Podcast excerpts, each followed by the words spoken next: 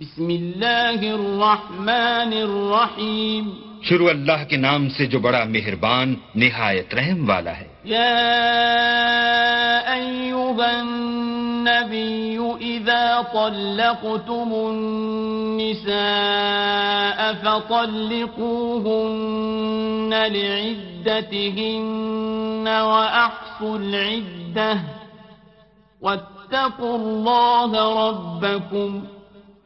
لا تخرجوهن من بيوتهن ولا يخرجن إلا أن يأتين بفاحشة مبينة.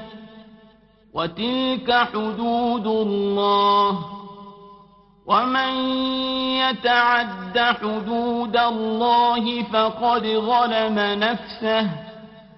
لا تدري لعل الله يحدث بعد ذلك امرا اے پیغمبر، مسلمانوں سے کہہ دو کہ جب تم عورتوں کو طلاق دینے لگو، تو ان کی عدت کے شروع میں طلاق دو، اور عدت کا شمار رکھو، اور اللہ سے جو تمہارا پروردگار ہے، ڈرو۔ نہ تو تم ہی ان کو ایام عدت میں ان کے گھروں سے نکالو، اور نہ وہ خود ہی نکلیں۔ ہاں اگر وہ سری بے حیائی کریں، تو نکال دینا چاہیے، اور یہ اللہ کی حدیں ہیں۔ جو اللہ کی حدوں سے تجاوز کرے گا، وہ اپنے آپ پر ظلم کرے گا۔ اے طلاق دینے والے، تجھے کیا معلوم؟ شاید اللہ اس کے بعد کوئی رجعت کی سبیل پیدا کر دے۔ فَإِذَا بَلَغْنَ أَجَلَهُنَّ فَأَمْسِكُوهُنَّ بِمَعْرُوفٍ أَوْ فَارِقُوهُنَّ بِمَعْرُوفٍ وَأَشْهِدُوا ذَوَيْ عَدْلٍ وَأَقِيمُوا الشَّهَادَةَ لِلَّهِ. ذلكم يوعظ به من كان يؤمن بالله واليوم الآخر. ومن يتق الله يجعل له مخرجا.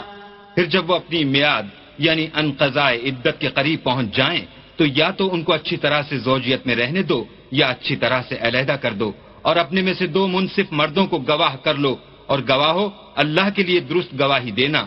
ان باتوں سے اس شخص کو نصیحت کی جاتی ہے جو اللہ پر اور روز آخرت پر ایمان رکھتا ہے۔ اور جو کوئی اللہ سے ڈرے گا، وہ اس کے لیے رنج و محن سے مخلصی کی صورت پیدا کرے گا۔ وَيَرْزُقُهُ مِنْ حَيْثُ لَا يَحْتَسِبُ۔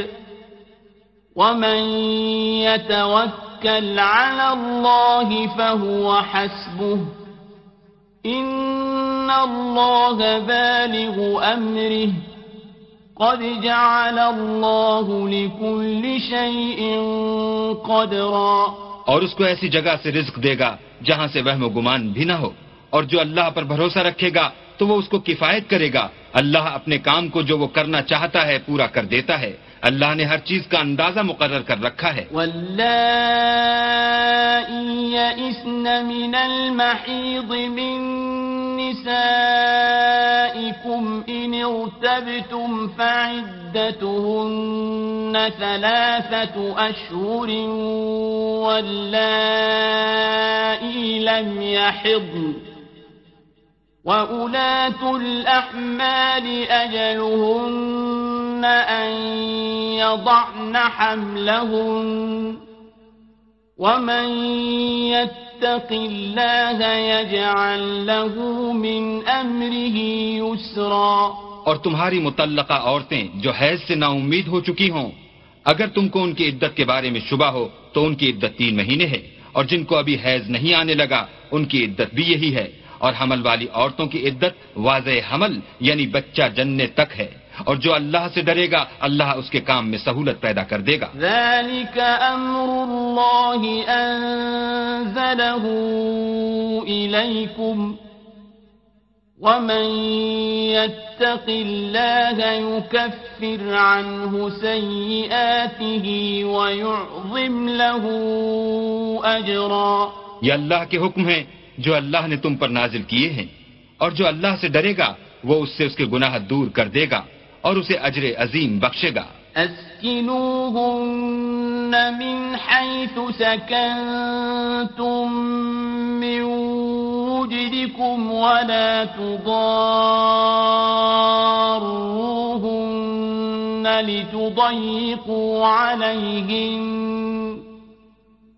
وإن كنتم أولات حمل فأنفقوا عليهن حتى يضعن حملهن.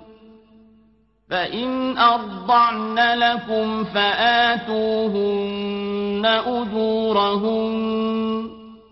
وأتمروا بينكم بمعروف.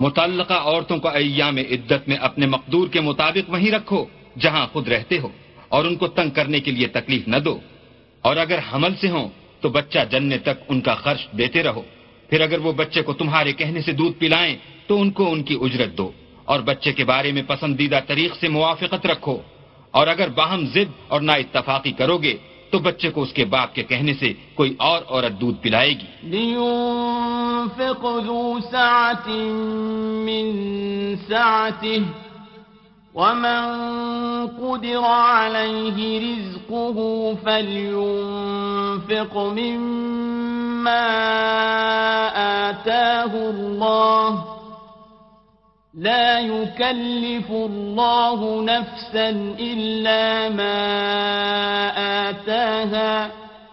سيجعل الله بعد عسر يسرا.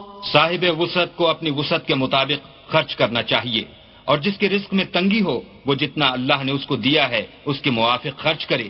اللہ کسی کو تکلیف نہیں دیتا، مگر اسی کے مطابق جو اس کو دیا ہے۔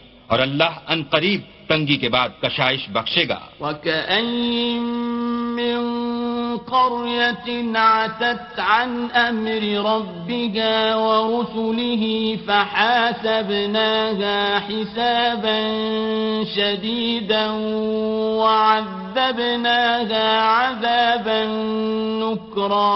اور بہت سی بستیوں کے رہنے والوں نے اپنے پروردگار اور اس کے پیغمبروں کے احکام سے سرکشی کی تو ہم نے ان کو سخت عذاب میں پکڑ دیا اور ان پر ایسا عذاب نازل کیا جو نہ دیکھا تھا نہ سنا۔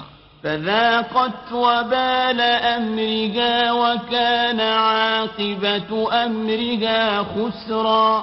سو انہوں نے اپنے کاموں کی سزا کا مزہ چکھ لیا اور ان کا انجام نقصان ہی تو تھا۔ أعد الله لهم عذابا شديدا. فاتقوا الله يا أولي الألباب الذين آمنوا. قد أنزل الله إليكم ذكرا اللہ نے ان کے لیے سخت عذاب تیار کر رکھا ہے۔ تو اے ارباب دانش جو ایمان لائے ہو اللہ سے ڈرو۔ اللہ نے تمہارے پاس نصیحت کی کتاب بھیجی ہے۔ رسولا يتلو عليكم آيات الله مبينات ليخرج الذين آمنوا وعملوا الصالحات من الظلمات إلى النور. ومن يؤمن بالله ويعمل صالحا يدخله جنات. يدخله جنات تجري من تحتها الأنهار خالدين فيها أبدا قد أحسن الله له رزقا اور اپنے پیغمبر بھی بھیجے ہیں جو تمہارے سامنے اللہ کی واضح المطالب آیتیں پڑھتے ہیں، تاکہ جو لوگ ایمان لائے اور عمل نیک کرتے رہے ہیں، ان کو اندھیرے سے نکال کر روشنی میں لے آئیں۔ اور جو شخص ایمان لائے گا اور عمل نیک کرے گا، ان کو باغ ہائے بہشت میں داخل کرے گا۔